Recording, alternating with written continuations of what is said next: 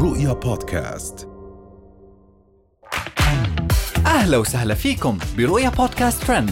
كل إشي بتحتاجوا تعرفوه عن آخر أخبار النجوم والمشاهير وأهم ترند صدر لهذا الأسبوع.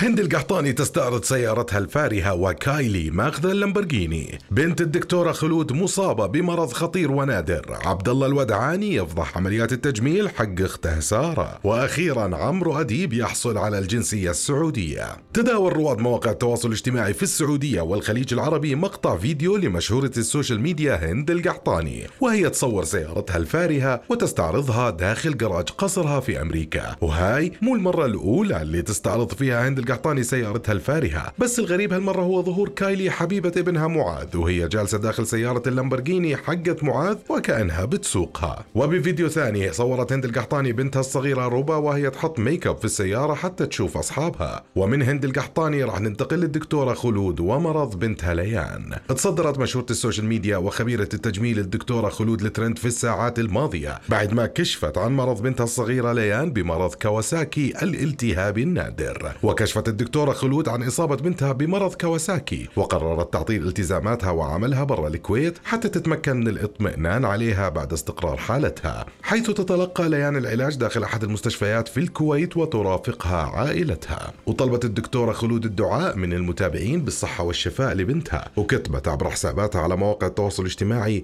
لا تنسوا طفلتي ومرضى المسلمين من دعواتكم بالشفاء والعافية ومن مرض بنت الدكتورة خلود راح نروح لعبد الله الودعاني وإخوانه. إخوانه. انتشرت صورة للمشهور عبد الله الودعاني على تطبيق سناب شات. يظهر فيها برفقة أخواته سارة ونجلاء قبل ما يسوون عمليات تجميل للأنف. وفي مقطع فيديو تم تداوله بشكل كبير طلب الودعاني من إخواته التقاط صورة جديدة بدلا من الصورة القديمة. وقال نجلاء وسارة لو سمحتم نبي صورة ثانية مثل هاي الصورة. بس نصور صورة جديدة. كلنا هذه قبل عمليات الخشوم. وأخيرا راح ننتقل لعمرو أديب وقصته مع الجنسية السعودية. كشف الإعلامي المصري عمرو أديب عن منحة منحه الجنسية السعودية. موجها الشكر إلى خادم الحرمين الشريفين الملك سلمان بن عبد العزيز وولي العهد الأمير محمد بن سلمان وعبر عن سعادته ودوره المستقبلي في تقوية الروابط بين البلدين مصر والمملكة. وطلع عمرو أديب بفيديو وقال منذ فترة تم منحي الجنسية السعودية الآن أنا مواطن مصري ومواطن سعودي. وأود أن أتوجه بالشكر لجلالة الملك سلمان وولي العهد الأمير محمد بن سلمان على هذا التكريم وهذا التشريف. أنا لا أعرف أعدادا كبيرة من المصريين الذين قد يكونوا قد حصلوا على هذا التكريم ولكن أنا سعيد به.